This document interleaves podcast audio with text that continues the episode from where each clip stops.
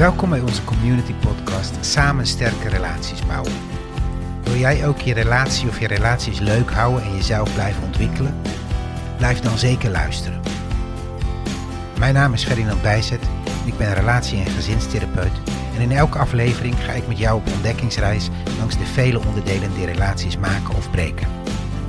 Sluit je aan bij onze community op samensterkerelatiesbouwen.nl en ontdek daar podcast, lees artikelen, neem deel aan masterclasses en volg online programma's en cursussen. En voor nu, laten we beginnen met de aflevering van vandaag.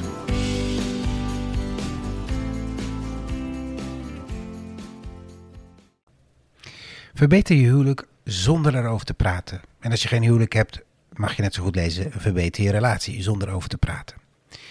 In de vorige podcast ben ik gestart met een serie over verbeter je relatie zonder erover te praten.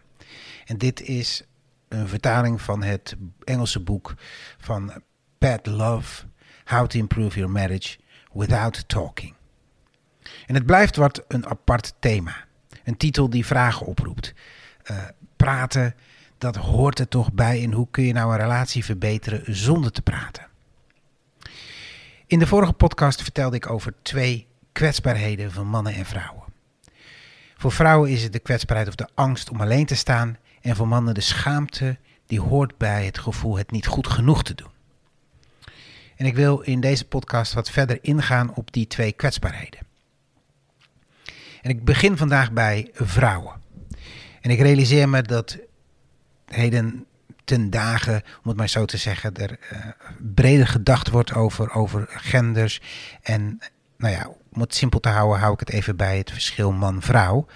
Um, Pat Love die haalt in haar boek onderzoek aan waaruit blijkt dat vanaf de geboorte meisjes meer gevoelig zijn voor isolatie dan jongetjes. Um, ze zegt daarbij dat dat logisch is, want als je kijkt naar de lichaamsbouw van een vrouw, dan is die minder sterk dan een man. En die is, dus, die is dan ook minder in staat om zichzelf te verdedigen. Tegenwoordig hebben we daar misschien iets minder last van, maar vroeger, in de meer prehistorische tijden, was een vrouw voor haar veiligheid en bescherming dan echt afhankelijk van de groep of de bescherming van de man. En mannen daarentegen zijn veel meer gebouwd naar opgebouwd om te kunnen vechten, om zich te verdedigen tegen het gevaar dreigt. En als je dat kort de bocht wil zeggen, mannen en vrouwen hebben de verschillende reacties op gevaar. Mannen hebben meer de neiging te vechten en vrouwen hebben meer de neiging om bescherming te zoeken. En volgens Love blijkt dat zelfs hormonaal bepaald te zijn. En dan zie je dus twee reacties op gevaar. Mannen die vechten of die vluchten, of ze gaan aan het werk. En die reactie die wordt gevoed door het hormoon adrenaline. En vrouwen richten hun aandacht vooral niet op het gevaar, maar zoeken hun veiligheid in het zorgen voor hun naasten. Een reactie die daarbij hoort, uh, is door met elkaar te gaan praten. En door anderen wordt dat ook wel de tent and befriend reactie genoemd. Zorgen voor en vrienden maken. En deze reactie wordt vooral gevoed door het hormoon oxytocine. En hoewel de tijden natuurlijk veranderd zijn, voelen vrouwen zich nog steeds veilig als ze ergens bij horen. Als ze zich verbonden voelen, dan kunnen ze ontspannen. En voelt een vrouw afstand, dan wordt ze onrustig en bang. Verbonden zijn is een basisoverlevingsbehoefte van de vrouw. En dat blijkt bijvoorbeeld al na de geboorte. Uh, Love die beschrijft in haar boek dat babymeisjes veel meer contact met de ogen van hun ouders zoeken. En dat ze ook langer in staat zijn die blik vast te houden dan jongetjes. Het gaat dan over contact zoeken. En babymeisjes die een poosje alleen gelaten worden, reageren er ook veel eerder en veel sterker op dan jongetjes. En verder zie je dat meisjes voortdurend bezig zijn met een interessant spel dat alles te maken heeft met die eerdere beschreven tent in befriend reactie. Ik zag dat vroeger bij mijn dochter op school al. De meiden die eindeloos met elkaar aan het praten zijn. En proberen het liefst en het aardig te zijn. En, en bij wie hoor ik? En Martine Delfos die laat in haar boek De schoonheid van het verschil zien hoe je dit ook in meidenruzies terugziet. Ze zegt dan ook: een meidenruzie is veel moeilijker te doorgronden. Het bespreken van die ruzie handelt niet alleen over de ruzie zelf. Ze zeggen dingen die een waardeoordeel over de andere inhouden en anderen in een bepaald daglicht zetten. Ze zijn samen aan het manipuleren om er het beste vanaf te komen. En dan kun je afvragen: hoe doen jongetjes dat dan? En bij jongetjes zie je, en ik weet dat ik wat generaliseer, maar je ziet bij jongetjes veel vaker dat het gaat om de pikorde. Wie is de sterkste? En als dat duidelijk is, dan is er rust. Bij meisjes gaat dat anders. Dat gaat meer ondergronds, meer ongrijpbaar.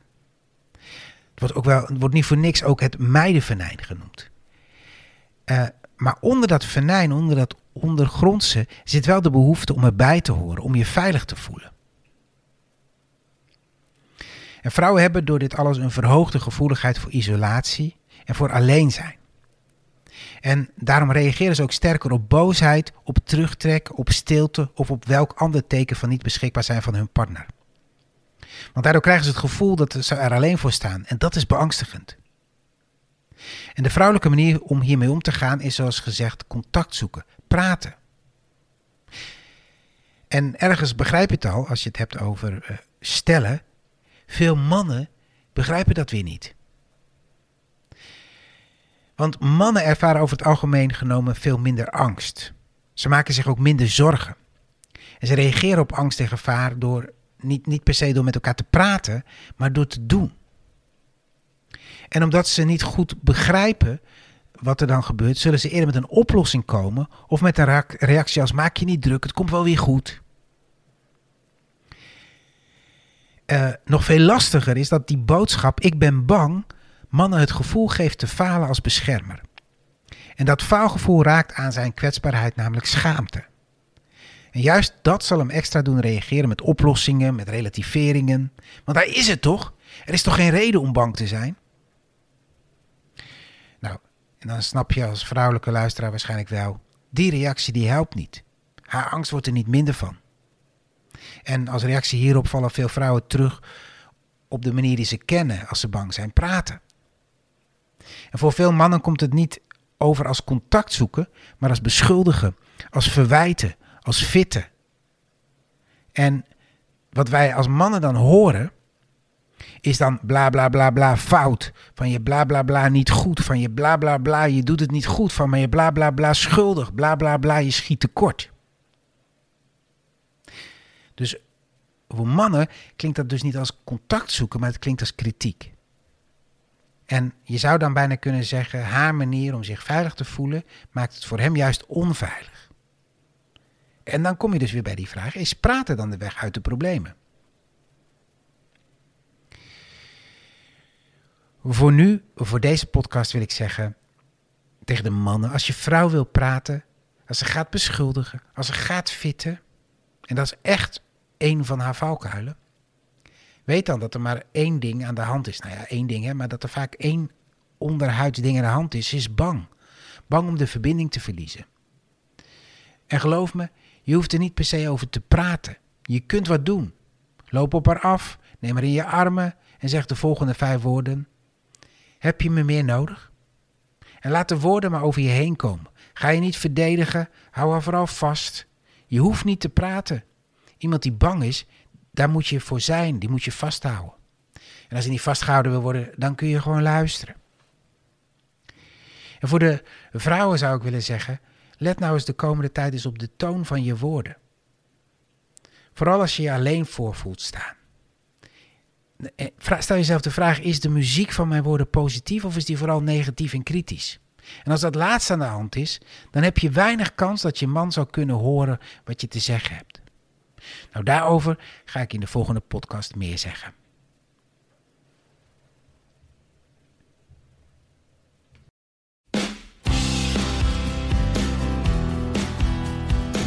Dit was weer een aflevering van de Community Podcast Samen sterke relaties bouwen. Hopelijk heb je ervan genoten. Wil je meer? Log dan in met je community account en dek nog veel meer geheimen die je relaties verrijken.